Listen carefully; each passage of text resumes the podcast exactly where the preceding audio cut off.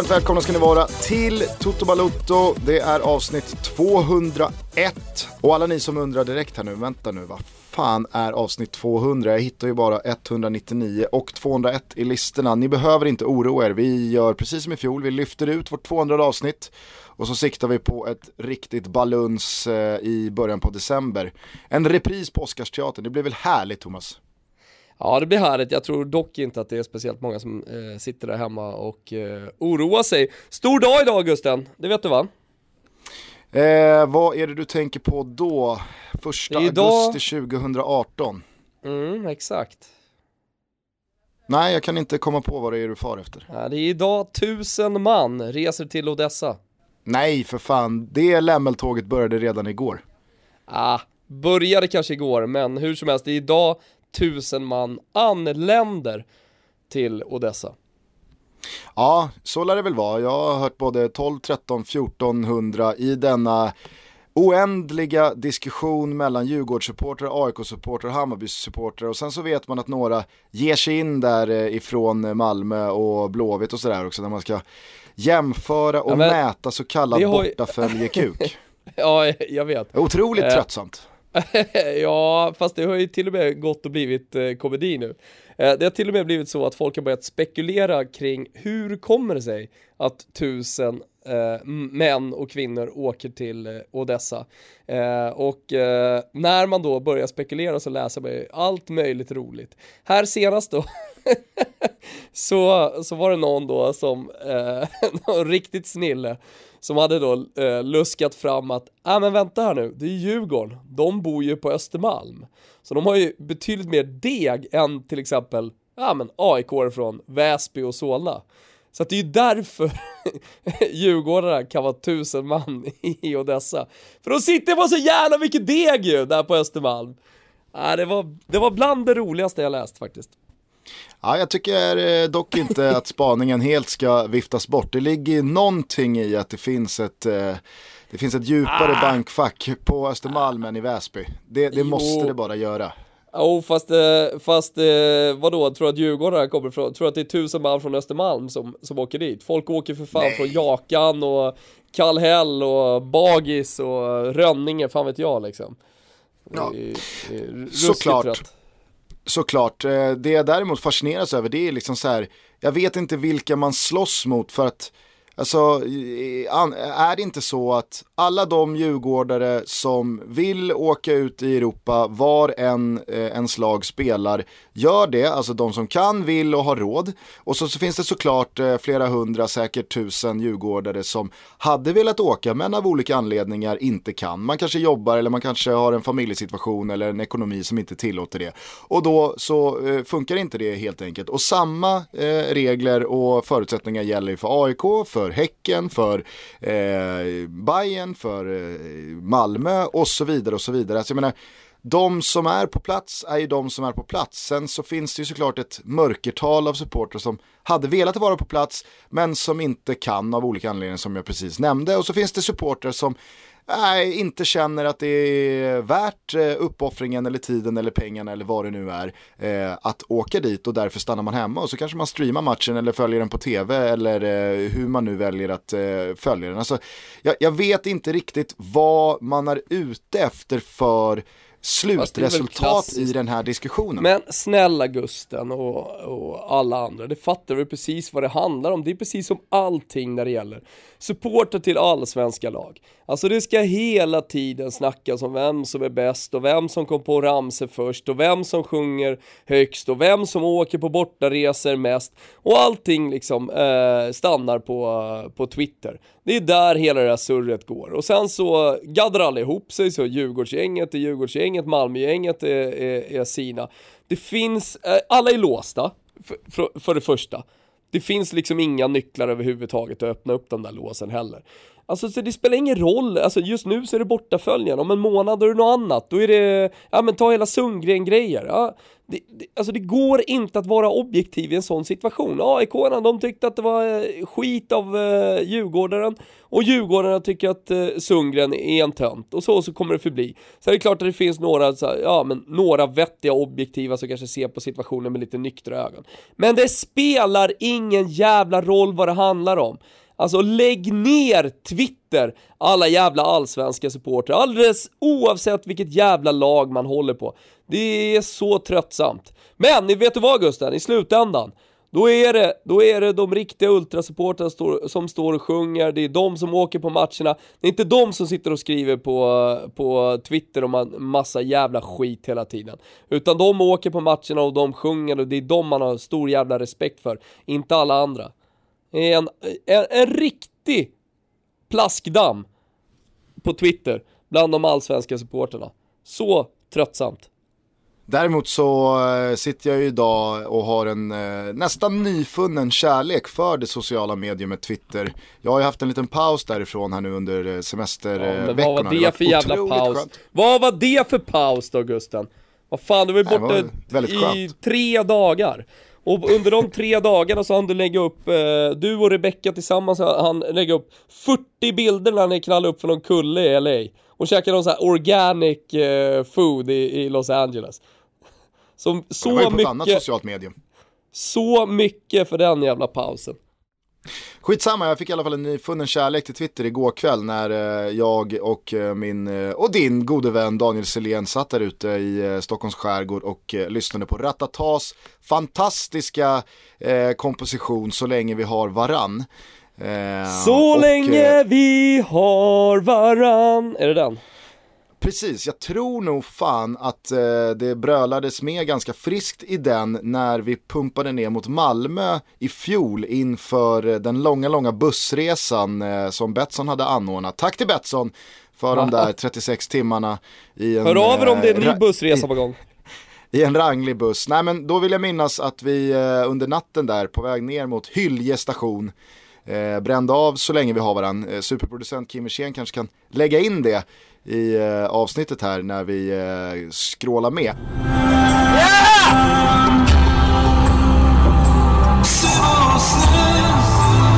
Nej, det var en vers till.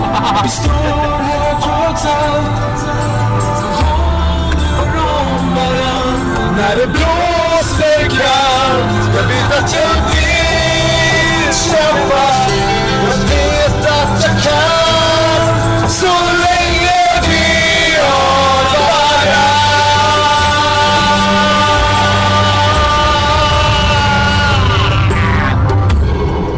Skitsamma, då skrev jag i alla fall på Twitter att eh, jag är evigt tacksam till den som kan hjälpa mig med att eh, berätta om vem som spelar trummor på den här låten. För det, det framgick mm. inte i den efterforskning jag gjorde. Och då svarar ju då Ekelund himself, den andra halvan av Ratata. Ah, det var jag som spelade. det är så jävla mäktigt bara. Alltså, ja men det är att, roligt för att han måste ha följt dig på något sätt. Twitter och internet är där liksom. Ja, följer han dig eller hur kommer det sig att han hittade tweeten?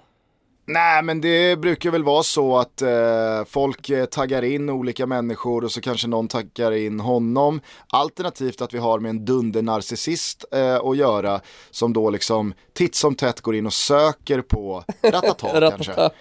Ja. Och så dyker det upp lite nya tweets här och där som han kan gå in och, och eh, gästspela i. Skitsamma, det, det, det, spelar ingen roll hur han hittade dit. Jag tyckte i alla fall att det var fantastiskt. Och det är liksom så här, det, det är ju verkligen så enormt med internet hur fort det går och hur snabbt både nyheter och konversationer och relationer eh, förflyttar sig över, eh, över världen.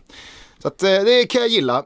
Samtidigt så måste jag säga att när man är ganska inaktiv från Twitter ett par dagar, sådana här tider, helvete vad snabbt det går för en att bli helt offside gällande silly rykten Alltså, eh, jag loggade in i eh, morse och så ser jag bara att Luka Modric ska till Inter. Och jag fattar ja, ska, ingenting. Ska, men, ja. Eh, ska, ska, det var ett rykte som, som dök upp. Sen ska man inte, alltså i dessa tider med tanke på att Cristiano Ronaldo gick till Juventus och att Bonucci gick till Milan i fjol och nu är på väg tillbaka till Juventus så, så kan ju faktiskt precis allting hända. Så det, det är väl klart att Luka Modric skulle, skulle eh, kunna han, hamna i, i, Milan vad det lider. Eh, även om jag i, i dagsläget skulle, ja, fortsättningsvis i alla fall, tills jag ser någonting mer konkret, håller det ganska otroligt. Eh, men det händer mycket och framförallt så är det ju italienarna som eh, håller igång eh, den här sommaren på Sillyfönstret. Eh, jäklar vad de kör! Jag såg att du eh, precis innan vi sparkade igång det här avsnittet eh, twittrade någonting i stil med att det verkligen börjar bli konkret med Iguain här nu. Ja, alltså Iguain till Milan skulle jag säga är 95% klar. Alltså det handlar, handlar väldigt mycket om, eh, om detaljer. Det är till och med så att eh, Gianluca Di Marci när vi spelar in det här skriver att eh, eh det, eh, all, alla parter, inklusive spelarna, vill få klart det till kvällen. För att man vill, alla vet om det, alla vet att dealen är på gång. Eh, så man vill inte dra ut på processen. Däremot så finns det såklart alltid juridiska detaljer att eh, hantera och det är pengar eh, som ska fördelas och så vidare. Så det, och rejält mycket pengar också så det, det, det är självklart eh, ja, men, lite snårigt. Och speciellt som det i det här fallet då handlar om dels ett lån eh, av Iguain som med en köpklausul. Såklart. och, och ja, ja, ja, italienskt eh, så det förslår den typen av lån eh, som man betalar för, alltså det kostar pengar att låna, men sen så har man en lite lägre prislapp, det är ju för att fördela pengarna över tid. Eh, så man slipper betala allting cash up front. Eh, och, men eh, också då Bonucci rakt av till Juventus och sen Caldara eh, till eh, Milan. Och just i det här fallet så tycker jag att det, det, det är lite lustigt att de har då värderats exakt lika. Alltså Caldara värderas till 40 miljoner euro och Bonucci värderas till 40 miljoner euro.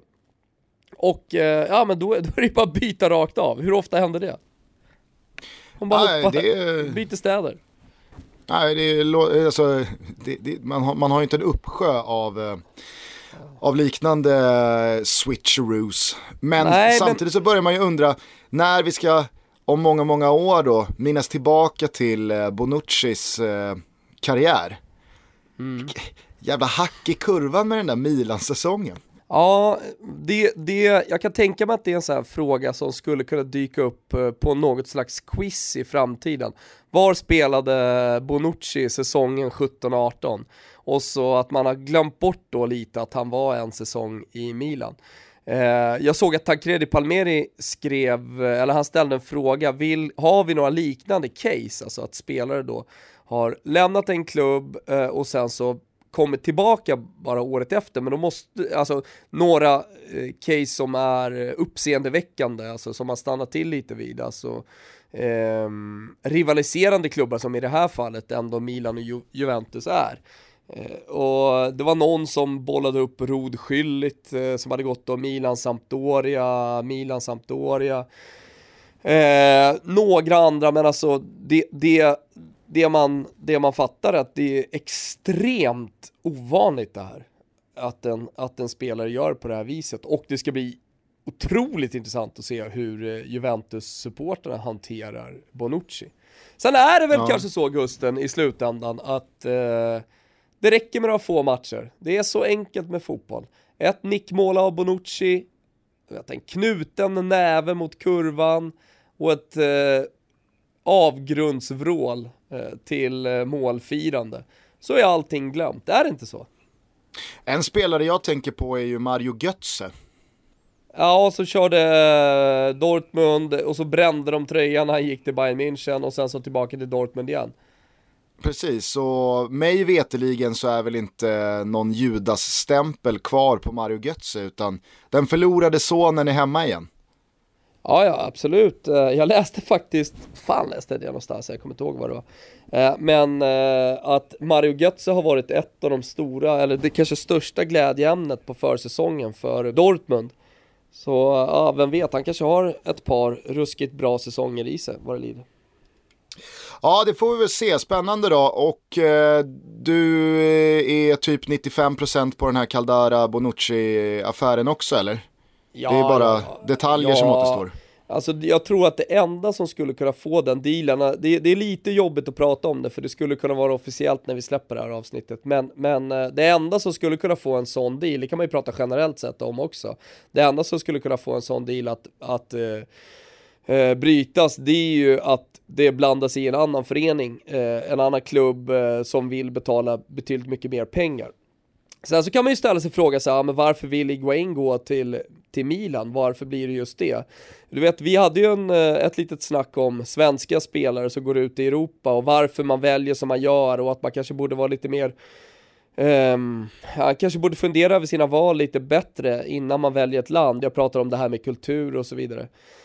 Jag luskar runt lite sådär. Eh, generellt sett, när en spelare går från allsvenskan, och jag tror att det gäller samma sak med, med Iguain, så vill ju både agenter och spelare försöka eh, liksom få det att låta som att de hade en massa olika valmöjligheter. Men oftast så finns det bara ett alternativ. Alltså ett konkret alternativ. Det kan vara klubbar som har sonderat eh, terrängen eh, och eh, som har scoutat spelaren. Men när det väl kommer till kritan så är det en, en klubb som skickar ett fax som vill betala stora summa pengar eh, och det blir en möjlighet då för spelaren. Och jag tror faktiskt att i fallet Iguain så är det bara Milan i dagsläget som är beredda att betala de här pengarna så att Juventus blir nöjda och också se till så att spelaren blir nöjd. För det handlar om jävligt mycket pengar eh, även i, eh, i lön för Iguain som man kommer få i, i Milan. Eh, och ja, men jag, tror att, jag tror att man måste ha med sig det eh, när, när man ser på alla de här affärerna, för man tänker att, ja men vadå, Iguain är ju en spelare som borde kunna välja och vraka, varför går han inte dit, varför går han inte dit? Det kan mycket väl vara så att det är bara Milan som, skulle, som kan eh, lösa hans lön och som kan lösa honom från Juventus just nu om vi bortser det ekonomiska, som såklart är eh, den kanske tyngst vägande faktorn, det fattar jag också. Men på tal om det vi pratade om, skulle, tror du, det vara möjligt för Iguain att gå tillbaks till Napoli? Eller är det ett case som faktiskt är så här, nej i det fallet går det inte? Nej, men eh, alltså för det första så eh, tror jag att det är helt uteslutet vad det, alltså, rent ekonomiskt, precis som du säger Gusten. Eh, så att eh, det, det, är en, eh, eh en hypotetisk klubb som är omöjlig redan, redan där. Men låt oss säga då att Napoli är beredda att betala pengar, då, eh, då, då är det ett svårare val att ta för Iguain såklart. Eller det, det är svårare att komma tillbaka dit eftersom man har hängt dockor av Iguain från fönstren i, i rep och, och eh, ja, men, mer eller mindre eh, dödat honom och, och försökt liksom gå vidare. Men eh, man ska ju också komma ihåg, och det tycker jag alltid, och det är ju svårt med den moderna fotbollen att någonstans leva kvar i den traditionella fotbollen och, och stå för de gamla värderingarna, att man spelar i en klubb. Men, men om man då ska försöka vara lite, eh, lite smart och, och, se på hela, jag tror det i alla fall, men på hela Iguain-affären så får ju Napoli alltså en miljard. Eh, och det, det, det är ju pengar som man då kan göra andra spelarsatsningar för. Så, och om spelaren dessutom vill bort, ja men då hamnar man i en situation som liksom är väldigt svår för klubben att lösa. Så här, spelaren vill bort, vi får en miljard, vi behöver de här spelen. Ja, men i slutändan med financial fair play för en Ja, ändå ganska liten klubb som Napoli är om man jämför med de stora drakarna ute i Europa. Eh, så är det ganska omöjligt att, eh, att eh, liksom hindra en sån affär.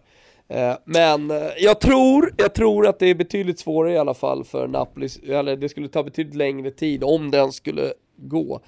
Eh, att återigen ta honom till sina hjärtan i, nere i Neapel. För jag tror att det var alldeles för många som såg det för, som ett stort svek. Å andra sidan ska också sägas att eh, större svek har gjorts och eh, man har blivit omfamnad av supporterna. Trots allt. Jo, absolut. Jag känner bara att eh, om man ställer det bredvid då Bonuccis förutsättningar att återigen bli älskad av Juventus-supporterna så känns det som att det är slagsida åt Turin och Bonucci-hållet. Absolut, det får ju mig att tänka på när Stefan Ishizaki gick från AIK. Gick han till LA va? Eh, nej, han gick väl till Elfsborg och från Elfsborg till... Nej, Nej, nej, nej. Det var ju det som var det roliga. Han lämnade AIK för någon klubb, kommer inte ihåg vilken det var, utomlands. Och sen så kom han tillbaka till allsvenskan. Så det var inte en direkt flytt till Borås, utan han var ute i Europa. Och sen så kom han till, till Elfsborg, för han ville hem. och eh, spela i allsvenskan. Eh, uppenbarligen så hade inte AIK eh, möjligheten, eller ens viljan, att ta tillbaka honom. Eh, och då körde ju delar av Norra Stå, jag ska absolut inte säga hela Norra Stå, men delar av Norra, norra Stå körde ju Ishizaki är en hora. Sen kom han ju tillbaka till AIK. Efter att då delar av Norra hade sjungit den här ramsan. Eh, och eh, äh, tog väl inte ens en inmarsch innan Ishis, Ishizaki-ramsan rullade på Friends Arena igen. Nej. Och nu är han tillbaka i Elfsborg. Och nu är han tillbaka, han har ju frugan i, i, som vill tillbaka till Borås. Det, det, det är inget konstigt. Men, men det, det, jag menar så här, det är en sak Iguain lämnar för arkivalen eh, Juventus och en sak om Ishizaki går utomlands, kommer tillbaka till allsvenskan, till den klubben som vill ha honom. Eh, och, och i så fall på något sätt dra hora-kortet, det, det är lite magstarkt kan jag tycka. Eh, innan vi bara kort lämnar Sillyn och eh, Italien, jag vet att det finns många som är trötta på det, men vad fan ska man göra då när det glöder och puttrar och kokar och sjuder kring Serie A och de stora klubbarna ja, där jämfört med många andra? Övergångar. Ja, eh, kan du inte bara reda ut då eh, status, alltså idag onsdag 1 augusti, vad som gäller då med Inter, Arturo Vidal och eh, det som snackas kring Luka Modric? Alltså Luka Modric-snacket är, ju vad jag förstår bara just i, i, i dagsläget bara snack. Innan du fortsätter Thomas då med ja. att reda ut det så kanske vi lyssnar till Så, fortsätt. Så ja, härligt.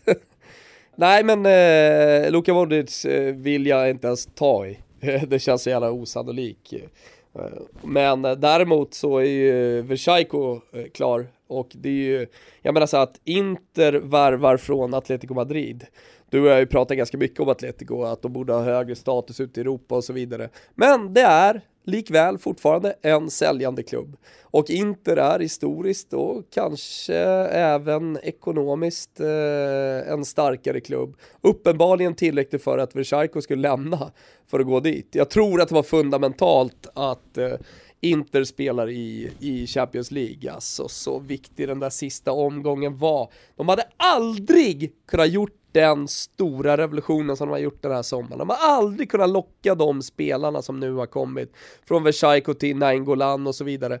Om det inte hade varit så att de, kom till, att de gick till eh, Champions League. Och det satt så hårt inne, ingen trodde ju på det inför sista omgången, eller hur? Ja men eh, det var väl till och med så att eh, Lazio ledde med 10 minuter kvar innan Lulic klev in i handlingarna. Eller var det Dusan Basta? Vem var det som tog det där röda kortet? Det var väl Lulic? Ja, kommer inte ihåg. Ja, det är möjligt.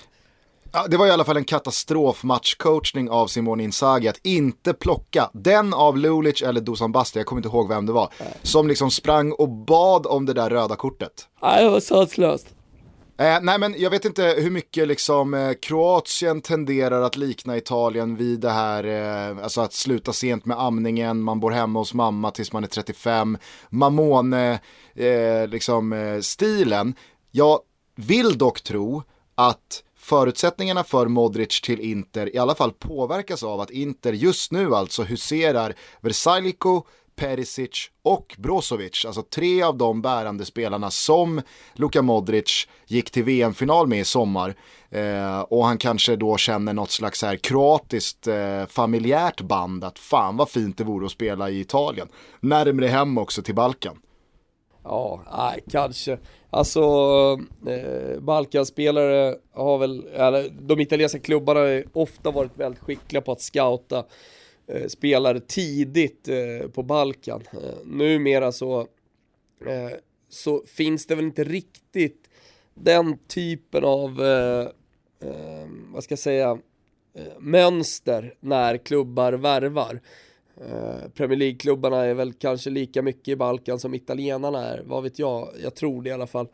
Däremot så tror jag att det är lättare för, för en spelare som har varit på Balkan att komma till den italienska ligan, fortfarande faktiskt.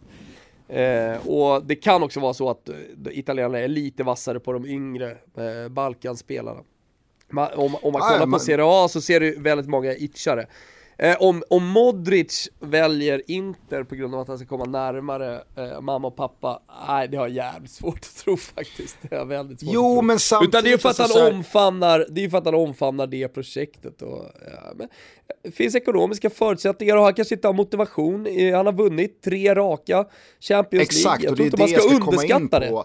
Nej, men det är det jag ska komma in på. Jag, jag, säger inte att det är anledningen och det är varför Modric eventuellt då eh, lämnar Spanien och La Liga och Real Madrid för Inter. Att han vill vara med sina kroatpolare. Jag säger bara att det kanske är en liten, liten faktor, en krydda, en liten sån här umami-grej till då eh, logiken i att, som du är inne på, Modric har precis som Ronaldo kanske nått en punkt i sin Real Madrid-karriär att vad fan har jag kvar här att göra? Ronaldo har dessutom lämnat, Zidane har lämnat. Eh, det verkar vara i eh, Italien någonting stort är på gång att hända, han är inte purung. Har han liksom en stor sejour till i sig någon annanstans så, så är ju det nu, det är ju inte om tre år. Eh, Exakt. Och till allt det här så kanske den där lilla familjära kroatkryddan ändå gör någonting.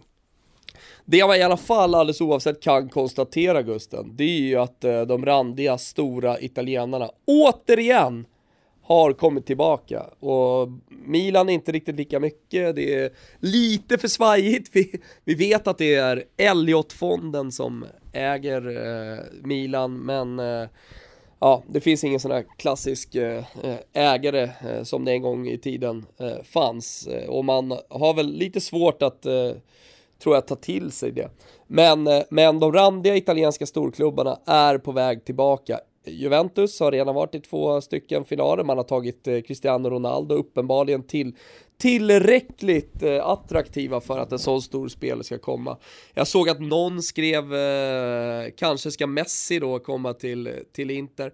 Ah, jag säger inte att det är omöjligt nästa säsong, att Messi kommer till Italien. Det är fan inte omöjligt längre. Men jag då med mitt gamla Italien-hjärta blir ju ändå glad att det börjar se lite ut som på 90-talet. Jag tycker också att Roma gör en otroligt fin sommar med eh, Klöivert. Såg du, såg du hans, eh, för övrigt, Klöiverts eh, match igår? Assist till El Sharawi. Ja, den var ruggigt fin, men jag såg även, det var någon som hade klippt ihop en eh, liten eh, video av hans då, eh, bästa moves under matchen. Och ja, det är svårt nej, att värdera, det. det. är svårt att värdera de här spelarna som kommer från Holland och, och, Belgien, som man inte har sett på den största scenen än. Det är ju först när man lyckas då i en stor liga som man verkligen blommar ut. Men alltså, det, det, det jag har sett av Klöivert, det är ju the real deal. Sen är det ju extremt roligt att han ser precis ut som farsan, bara att han är tre huvuden kortare. Mm. Och du vet ju vem som var först på bollen gällande Justin Kluivert, att han är the real deal. Var det du eller? Nej, det var ju Fantomen Ola Lidmark Eriksson va? Aj, ja, såklart. Geniet, professor. Geniet. Nej, men vi kan väl bara kort säga det från eh, Romas eh, International Champions Cup-match mot Barcelona som de alltså vann med 4-2 också, att eh, Robin Olsen debuterade. ja, och imponerade med vad, Gusten? Eh, var det spelet med fötterna? Nej, Eller var det sin pondus? Nej, nej, nej. Språket. Nej. Han hade ah. tydligen sagt Destra, destra, destra. Höger, höger, höger. så hade, jag vet inte om det var Expressen eller Aftonbladet, hade då en artikel på det här. Att uh, man i Italien hade blivit imponerad av att språkkunskapen redan, han lärt sig säga höger. Robin Olsen, vilket språkgeni. Jävligt låg ribba, låg ribba för att kalla dem för ett språkgeni. Nu kanske inte var exakt språkgeni, det ordet de, de valde, men de skrev ändå en artikel på det. Det här får ju en att minnas Joe Harts första presskonferens eh, på italienska ah. som Torino-målvakt. Ah, alltså, någon hade skrivit ner fonetiskt hur han skulle då eh, eh, eh, uttala sig. Och Ska vi lyssna på det? Ja, ja, får göra det. Okej, okay, uh, buongiorno tutti. Uh, grazie per essere venuti così in tanti alla mia presentazione. Sto studiando italiano. Oggi imparata le parole che mi servono quando gioco. Mia, tua, destra, sinistra, passa, tira, dammela, lassila. Ja men nu kanske det är svårt då för 99,9% av våra lyssnare som inte kan italienska att värdera eh, huruvida det där var vasst eller inte. Eh, jag tror någonstans ändå att man hör att eh, det där är läst från ett papper eh, där italienska är skriven fonetiskt. Men det är riktigt risigt, eh, risig italienska och framförallt hör man ju att han förstår ingenting av vad han säger, utan han läser bara. Nej. Ja, men jag tänkte också på det kring Robin Olsens debut här eh, mot eh, Barca. Så han har ju fått en ganska tacksam start och inte då genom sina egna insatser. Eh, för att den första matchen Roma spelar efter Robin Olsen har signat för klubben. Det är mot Tottenham, man släpper in fyra kassar och Romas andra målvakt då, han hängs ju högt i pressen och folk börjar skriva om att Olsen är vår eh, frälsare och om inte Robin Olsen är eh, liksom så bra som eh, vi hoppas så då är, då är vi dödsdömda. Så där tjänar han ju väldigt mycket på den andra målvaktens insats. Och i nattens match, ser du kassarna Silessen släpper in? Ah, ja, Men Silessen alltså det, det är den största jävla bluffmålvakten sen eh, Magnus Edman kom fram. Jo men så då blir det liksom en annan målvakts bedrövliga insats som nästan också igen spiller över på Olsens pluskonto. Så att Robin Olsen har nu, trots inte ens 90 minuter spelade i en träningsmatch, redan stärkt sina aktier något oerhört. Ja, jag, jag, jag, känner direkt att jag måste ta tillbaka det där med Hedman. Jag gillade honom under hela hans karriär. Eh, så att eh, jag, tar, jag tar tillbaka det där. Han var ingen bluff, Mange Hedman. För han spelade i Chelsea, han spelade ju i Ascoli ett tag Eller var det Ancona han spelade i? Ancona kanske? Ancona. Ancona, Ancona var det, Ancona. Mm. Tänk att de flesta gamla italienska klubbarna har ju ändå koll på vart de spelar, vilken tränare de har, till och med ibland också vilken sportchef de har. Men just Ancona, vette tusan alltså. Du kanske ska gräva lite till eh, något avsnitt eh, senare under säsongen i vad som hände med Ancona där. Jag vill minnas Bra. att det var runt 2004-2005. Eh, då skrapade de ihop ett riktigt eh, märkligt och profilerat lag eh, under en säsong i Serie A där. Åkte väl ut med huvudet före, men det var ändå en dundersatsning som magkänslan i alla fall indikerar ledde till någon slags fall som eh, de inte har hämtat sig från än. Men nu sitter ju alla calcio-rimmare där ute och eh, skriver eh, och googlar och wikipediar för att, eh, men på något sätt försöka upplysa oss om vad som hände med Ancona. Kanske två gubbar som eh, faktiskt eh, har koll by memory vad som hände ja, med ja. Ancona. Men jag Oavsett tycker ändå det är värt det, ni som, in, ni, ni som inte har sociala medier, ni som inte läser på Twitter. Vi kommer tillbaka med en liten recap på fem minuter, vad som egentligen hände med Ancona. Jag tror nog att när man börjar gräva lite i Ancona så kommer man hitta en del ganska roliga eh, sidostories. Toto Balutto är sponsrade av Stay Hard. Vet du när Stay Hard grundades? Eh, 2000, jag tänker att de var ju tidiga i och med att de har vuxit då under en ganska lång tid. Eh, jag vet ju att de är Sveriges största onlinebutik för mode vad det gäller män. Ja. Eh, och det betyder ju då att de måste ha funnits ett tag. Det är inte så att man bara liksom blir det. Så jag säger 2006. Nej, det är nära. Mm. Nära. 2005. Ja. 2005 så startade två unga hungriga entreprenörer Stay Hard och idag, alltså 13 år senare, så är man Sveriges största onlinebutik för manligt mode.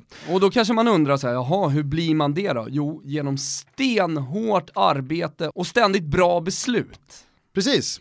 Eh, jag tror också inte man ska underskatta det faktum att man heller inte tar några genvägar vad gäller utbud. På stayhard.se, där finns det över 250 varumärken som alla faktiskt håller en Sanslöst. riktigt hög standard. Alltså det är ju som att gå längs en shoppinggata och liksom gå in i precis alla butiker, eller i alla fall ha möjligheten att bara hoppa in i en butik. Det är som att teleportera sig. Stå mitt på Drottninggatan så teleporterar man sig in i de olika butikerna. Bara att här kan du ligga hemma i din soffa och eh, surfa runt, för att surfa runt på Stay Hard, det är fan en jävla mysig stund man har då. Verkligen, här finns det kläder från bland annat eh, Tiger of Sweden, Filippa K. Hope, Nudie, Calvin Klein. Calvin Klein har börjat gilla som fan. Ja. Fått en liten eh, renässans måste jag säga. Ja, det, det, känns som att de var Pikade på väg att bli lite för klassiska på något sätt, eller var på väg i fel riktning. Ja men den hade ju någon slags eh, peak eh, när eh, Fredrik Ljungberg gjorde reklam för dem. Ja. Sen så dog det lite, men nu är Calvin Klein tillbaka med besked. Jag har köpt både tröjor och eh, byxor därifrån. Jag har precis uppdaterat mig på ytterligare ett LS-plagg. Mm -hmm. ja, det, det, jag vet det, att det är, är jätte, ja, men jag tycker att de är jävla sköna och large-storleken passar mig väldigt bra.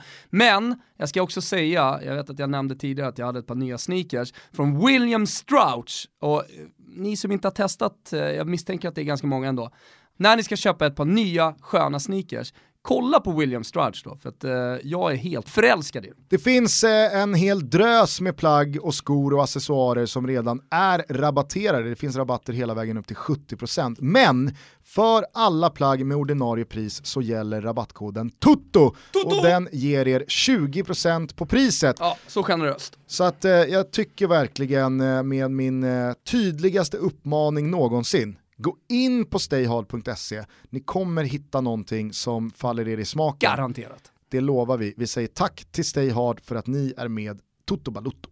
Tack. Toto Balutto är sponsrade av Viaplay, det vet ni som har eh, lyssnat eh, på den här podden under semestertider. Och det är ju så att när man har semester så har man också inte bara lediga dagar och kvällar att slå ihjäl utan också en hel del resor att eh, förgylla med mm. sånt som man kan kika på i sin telefon eller på sin padda eller sin dator genom offline-läge det är så jävla dunder. Ja, man sparar några avsnitt till eh, en flight eller en tågresa eller man ska sitta bak i bilen och inte riktigt orkar gissa färg på nästa mötande fordon eller reggplåt eller någonting. Då kan man ju förlora sig i den tidlösa, underbara serien Scrubs. Kollade du på Scrubs? Nej, det har inte riktigt varit min. Jag blev otroligt glad. Som Olof Persson sa en gång i tiden när eh, Malmö FF anställde honom Så efter... blev du fast i Scrubs efter att eh, Bosse och gänget i Viasat-studion hade liksom bollat upp det. Scrubs-puffen. Scrubs-puffen. Ja, det var kanske inte där jag fastnade, men jag var ju en av dem som gjorde en stor grej av att man i slutet av varje Champions League-sändning, mm. framförallt var det ju, eh, satt och väntade på att allting skulle avrundas med att eh, Ola och Niva Eh, väldigt liksom eh, glatt puffade för Scrubs som då följde eh, sändningen och Lasse Lagerbäck inte hade han hade inte lika nära till ett leende och entusiasmen Nej. som Wenström och Niva kände inför att det var dubbelavsnitt med Dr. Cox och JD.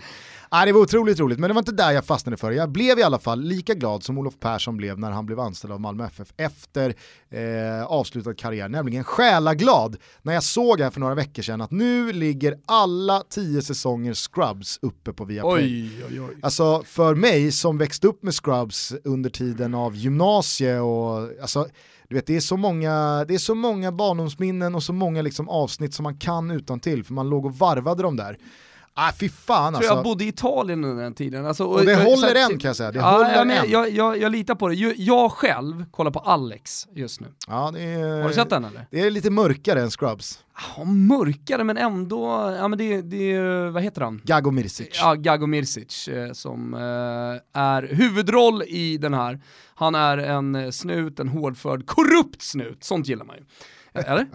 jo, jo. Det, jo, men som, eh, liksom, eh, som serie... Ja, ja, herregud. Ja pitch liksom. Ja, det, den är jättebra. Det, det, är min rekommendation idag i alla fall. Ja, då har ni både glatt och uppåt och amerikanskt i Scrubs ja. att förlora i. Finns och så lite neråt. Och så finns Om man tagit uppåt måste man ta neråt. Ångest och mörker och stress och nagelbiteri ja. via Alex och Gago Mirsic. Eh, det finns allt möjligt hos Viaplay. In och teckna ett abonnemang nu hörni. Ja, tack till Viaplay.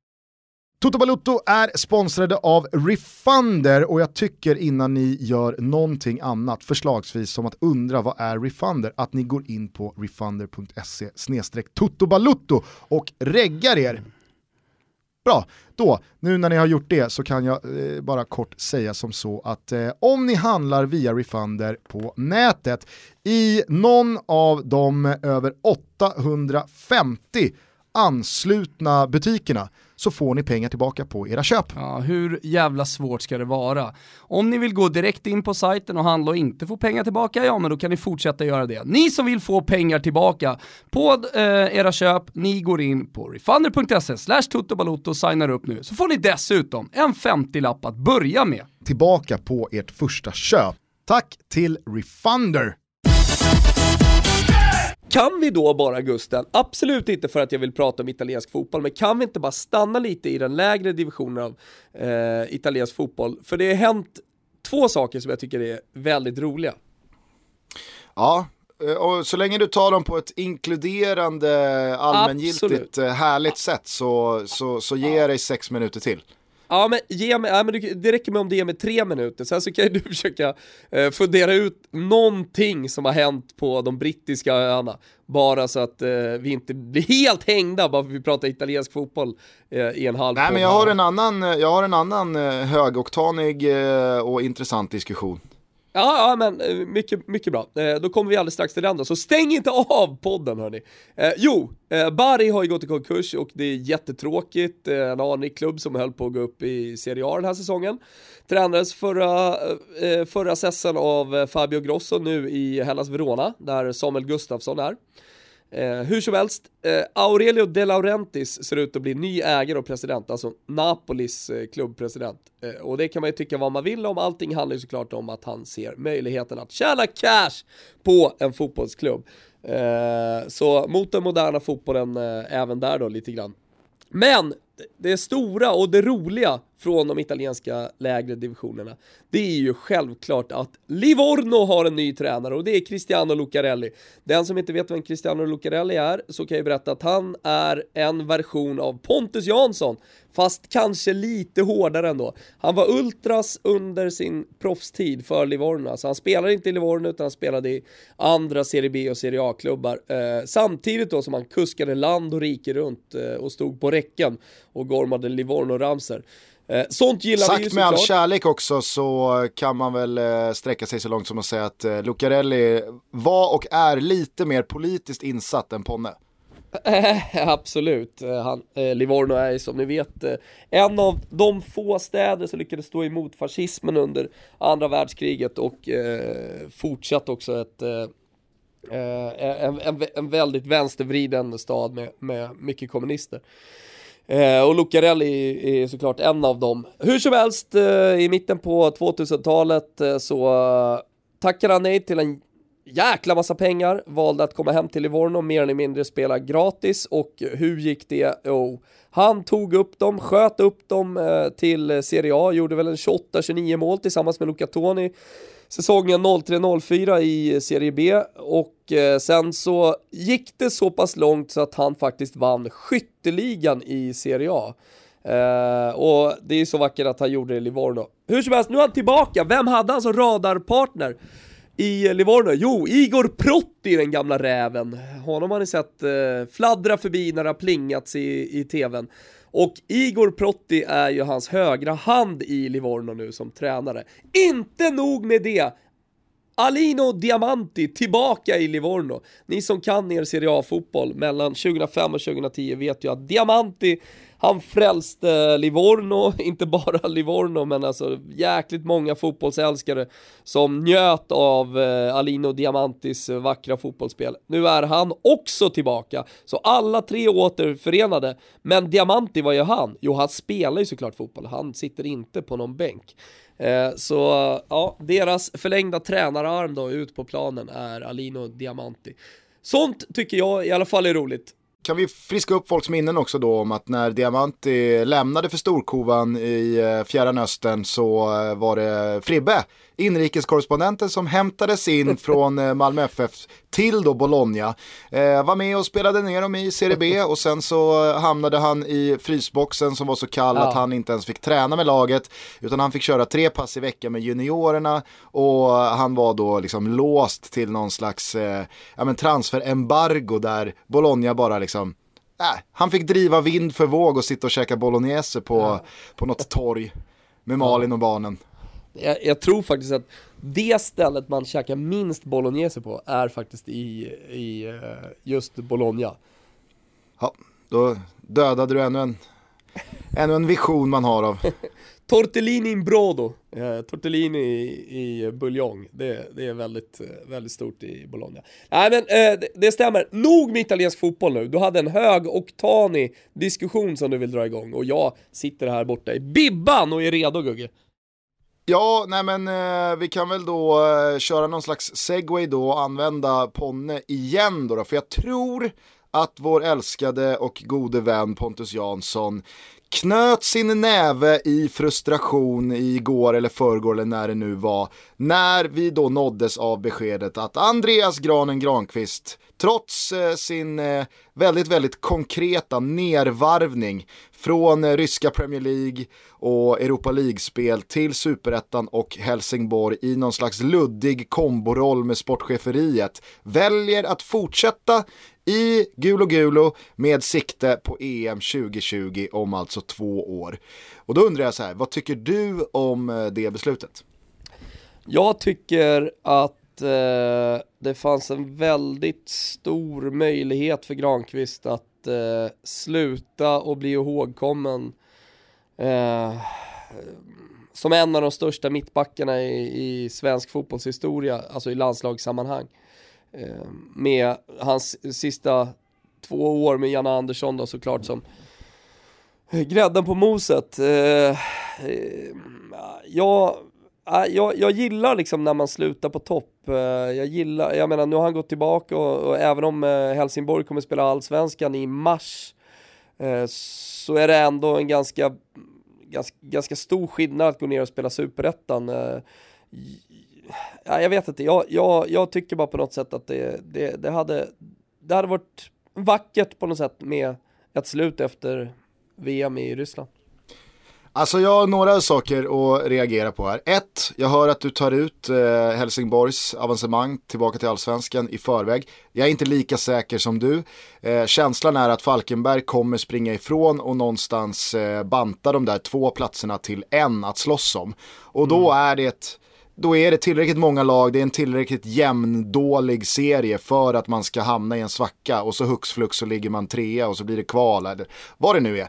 Eh, jag, jag, jag, tycker också eh, såklart att eh, Helsingborg har väldigt, väldigt goda förutsättningar för att landa ett avancemang till allsvenskan men jag är långt ifrån eh, så säker att jag har räknat in det. Nu kände du och att sen... du höll på att få alla Helsingborgs-supportrar som lyssnade på, på den här podcasten emot dig så du var tvungen att smörja dem lite där. låt, låt dem komma Jag tycker då. att Nej, de har bra förutsättningar för att gå upp. Nej fy fan Gusten alltså. Jo, men det får man ändå säga. Så, så dels tabellpositionsmässigt, men framförallt då efter den här sommaren när man har plockat in granen, man har tagit tillbaka Rasmus Jönsson som i någon slags logik i mitt huvud borde hålla en högre nivå än eh, superettan. Trots att jag inte har sett ett jävla piss av Rasmus Jönsson sen han lämnade Helsingborg för, vadå, tio år sedan, åtta år sedan och gick till Wolfsburg, spelade några matcher och sen dess så har jag inte sett en bildruta av Rasmus Jönsson. Men någonting i mig säger att ja, men det är väl klart att han borde komma in och förstärka detta Helsingborg.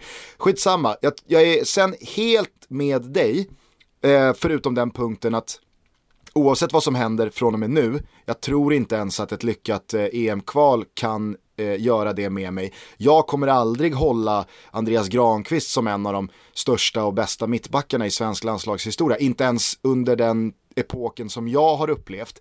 Jag, jag, jag, jag tycker liksom att eh, mittbackar som Patrik Andersson och Johan Mjällby och Olof Mellberg, de är, liksom, de är ganska långt framför Andreas Granqvist i min bok. Däremot så har ju Granen under den här senaste tvåårsperioden med kvalet, eh, med hans eh, eh, tunga på vågen-insatser i playoffet mot Italien och sen VM-slutspelet där han gör mål och han är kapten i ett mästerskap som aldrig borde skett men där vi går till kvartsfinal och och så vidare och så vidare. Har han ju gjort någonting under en kort eh, period som erhöll honom legendstatus. Det är jag helt med på. Eh, och där tycker jag precis som du att hade han slutat nu så hade han ju för alltid eh, varit säker på att bli ihågkommen som en jävla ikon. Som en legend, som någon som du och jag och alla andra som lyssnar på den här podden skulle berättat om för barn som växer upp eller kommande barn som ska sättas till världen att ah, vad fan, vi hade granen i VM 2018, det var granen.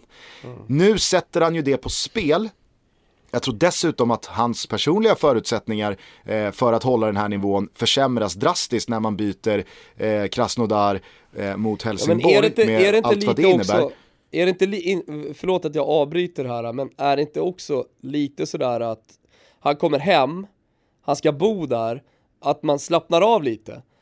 Alltså mm. när, han, när man, när man lever proffslivet så är man alltid lite på tå, man är alltid lite på spänn och sen så är det en en helt annan fotbollsverklighet med, man spelar med, med riktigt bra spelare hela tiden, varje träning, eh, samtidigt som ja, förutsättningarna för att hålla sin kropp eh, på absoluta toppnivå är mycket bättre också. Eh, så, så, jag menar, det, det, finns väl ganska, inte, inte bara så här, ah, men nu, nu spelar han superettan, nu kommer han bli kass, men det finns väl många parametrar som talar för att han inte kommer vara en lika bra fotbollsspelare i höst som han har varit tidigare. Nej men verkligen och dessutom så tycker jag att det är en adekvat faktor att prata om också att han inte är en spelare som Ja, men med, med Henke Larsson till exempel som också var in och ut och jag slutar och jag kommer tillbaka och jag lägger av igen och jag kommer tillbaka och så vidare. Alltså det är en anfallare längst fram i planen som håller en avslutsnivå och en klass, dessutom spelandes i klubbar på den absoluta toppen som någonstans garanterar att mm. eh, här höjer vi bara den sista delen i spelet. Andreas Granqvist är ju en mittback, han är lagkapten, han är själva fundamentet i hälften av liksom spelet som landslaget bedriver ute på plan, nämligen försvarsspelet. Och då känns det som att han har en sån otroligt mycket mer bärande roll än många, många andra.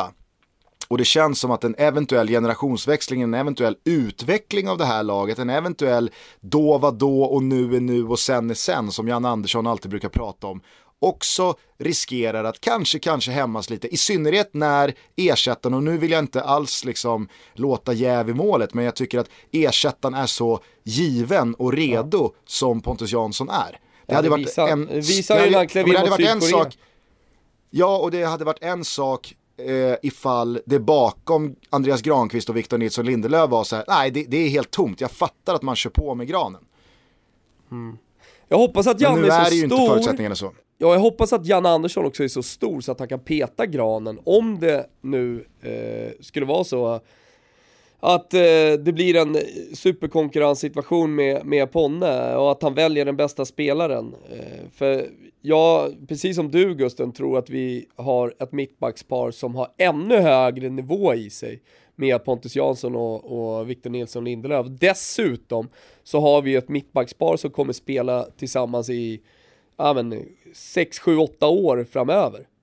Verkligen, men jag är helt övertygad om, och det tror jag att du också eh, är med på, att Andreas Granqvist är ju inte med för att eventuellt eh, sitta på bänken som trea. Nej. Han är ju med för att fortsätta spela 90 minuter och vara lagkapten och straffskytt och hela faderullan. Och då eventuellt riska det här legacyt han har byggt upp under två års tid och hade kunnat dra sig tillbaka med och för evigt vara någon man med kultvarma eh, känslor i hela kroppen minns.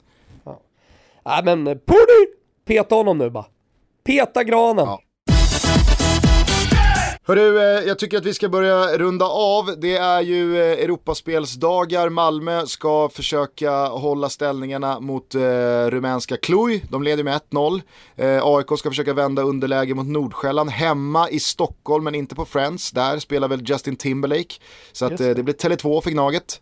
Eh, Djurgården är med ett enormt bortafölje, eh, piskat att göra mål mot eh, Mariupol många är de i, i Odessa. I Odessa? Nu igen. Ja, det har väl ramlat in 500 till sen vi slog på den här podden. Så att, eh, det är väl eh, upp mot eh, 1500 nu då. Jo, men då vet vi alla hur det ligger till Gusten. De kommer från Östermalm och hur jäkla mycket deg som helst. Så oavsett om den här matchen hade spelats i Australien så hade de varit 2000 man. Och sen så är det ju mission impossible va, det vågar jag lova, för BK Häcken mot eh, Foppens Leipzig. De, De är ju från Hisingen va? Ett gäng bollar va ja men de är ju från Hisingen va, så de har ju inte så mycket deg att åka ut i Europa. Det är därför Häcken faktiskt, om det är folk som undrar, de är inte jättestora bortaföljen när de reser ens i Sverige. Det är ju för att de kommer från en region då, Hisingen, som ja, äh, inte har så mycket pengar. Om det är folk som undrar varför inte äh, Häcken har, har, så, har så stora bortaföljen. Så är det ju. Ja, det blir intressant att följa i alla fall. Jag eh, håller ju med min objektiva eh, förhållningssätt att se på svensk fotboll eh, en tumme för att så många svenska lag som möjligt håller sig kvar ute i Europaspelet. Jag eh, tycker den kryddan behövs. Ja, eh, du tuggar på nere i Italien ett tag till. Jajamensan, piratbåten avstökad. Eh, den eh, traditionsenliga piratbåtsturen eh, har nu gjorts och jag ska ut och käka spaghetti vongole, precis som jag gör varje dag här nere. Hörni, vi hörs till helgen och då passar vi också på att nu önska en trevlig lördag på Friends Arena till de fem vinnarna som la vantarna på Eh, fem gånger två biljetter till International Champions Cup-matchen Arsenal mot Lazio på lördag. Mm. Eh, ni ska alla ha blivit kontaktade av eh, Betsson under eh, dagen. Och så hoppas vi att ni får en riktig jävla pangdag i eh, huvudstaden. Ni fortsätter, ni andra alltså, att eh, ha kul tillsammans med oss borta på Betsson. Det finns eh, boostade odds på spelare som eventuellt kan fungera som ersättare till Ronaldo i Real Madrid. Jag såg att du under förmiddagen pumpade ut lite långtidsidéer. Ja, och det börjar bli dags för oss att eh, snart boosta mer konkreta grejer borta hos eh, Betsson inför ligastarterna. Ja men det kan vi väl säga, eh, från och med Nästa vecka då så kommer vi att eh, börja fokusera på ligastarterna och vi kommer, precis som vi alltid gör, att eh, köra lite specialare och fördjupa oss i de olika ligorna. Eh, sen, eh, ja men inför att eh, allting ska dra igång. Eh, så allting blir som vanligt, eh, men vi fortsätter lite semestertotos här på länk. Fortsätt skicka in era bilder eh, på sociala medier, hur ni lyssnar på oss och sådär, tycker vi är väldigt roligt. Och, och självklart berätta för kompisar och, och familj om eh, den här podcasten. Eh, så att eh, sekten blir ännu större, eller hur Gusten? Jajamän! Hörru, eh, ha en fortsatt fin dag. Nu måste jag kasta mig i havet här för jag håller på att svettas ihjäl in i den lilla stuga jag har spelat in det här avsnittet. Ja, och jag ska ta mig ur eh, den här filten också och, och hoppa i poolen. Hörni, tack så jäkla mycket för att ni lyssnar. Eh, lycka till eh, alla som är ute och reser i, i Europa och ser på fotboll. Eh, så hörs vi igen eh, till helgen. Ciao tutti! Ciao tutti! Jag vet att jag inte varit så lätt att leva